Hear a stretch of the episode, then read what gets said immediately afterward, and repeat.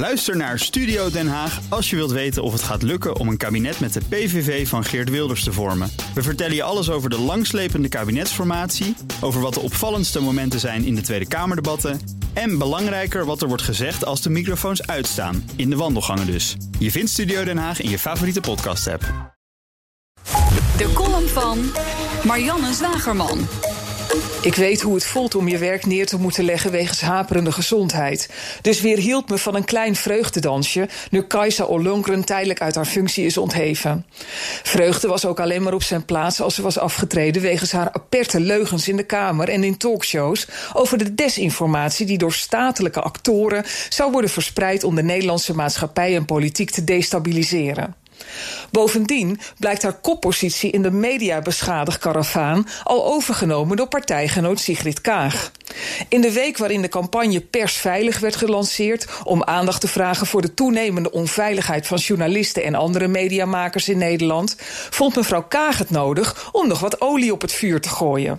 Want media zijn in Nederland niet te vertrouwen, zei ze op het partijcongres van D66. Ze sprak daar in het Arabisch een groep Syriërs toe, die ze op het hart drukte vooral niet te geloven wat ze hier in de media lezen. Als je het onder Assad hebt overleefd, kun je Nederlanders ook wel aan, voegden ze er nog aan toe. Denkt u dat het bijdraagt aan de veiligheid van journalisten door ze af te doen als onbetrouwbare doorgeefluiken en ons op één lijn te zetten met een gruwelijke dictator die een groot deel van zijn eigen bevolking heeft uitgemoord, mevrouw Kaag? Denkt u dat het helpt als u, terwijl uw partij zich inspant voor het terughalen van jihadistentuig uit Syrië, in een taal die zij begrijpen zegt dat Nederlandse media leugenachtig en Nederlanders gevaarlijk zijn?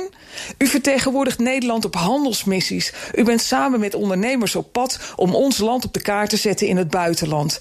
Denkt u dat het helpt, mevrouw Kaag, als buitenlandse ondernemers uw filmpjes zien op het internet waarin u zegt dat Assad overleven een goede oefening is voor een leven in Nederland? U heeft net voor een paar ton het vrolijke tulpje uit het logo laten slopen waarmee Nederland in het buitenland gepromoot moet worden. Is dit wat u ervoor in de plaats bracht? Een land waar journalisten niet serieus te nemen zijn en waar media aan de leiband lopen van politici waarmee u het niet eens bent. Het is dat de lange tenenziekte die in Nederland epidemische vormen aanneemt aan mij voorbij ging. Anders deed ik aangifte tegen u wegens groepsbelediging en opruiing. En dat zei Marianne Zwageman. En dat is onze columnist op dinsdag. Als u de column wilt terugluisteren, kan dat op eh, bnr.nl. Daar vindt u alle columns van alle columnisten. Daar kunt u ook voor eh, naar de BNR-app uiteraard surfen, die u gratis kunt downloaden. En u vindt daar ook alle podcasts die we maken. Ook Harm Edens vind je in de BNR-app. Je kunt BNR Duurzaam niet alleen live luisteren in de app, maar ook terugluisteren als podcast, zoals al onze podcasts. En naast dat de BNR-app Breaking News meldt, houden we je ook op de hoogte van het laatste zakelijke nieuws. Download nu de gratis BNR-app en blijf scherp.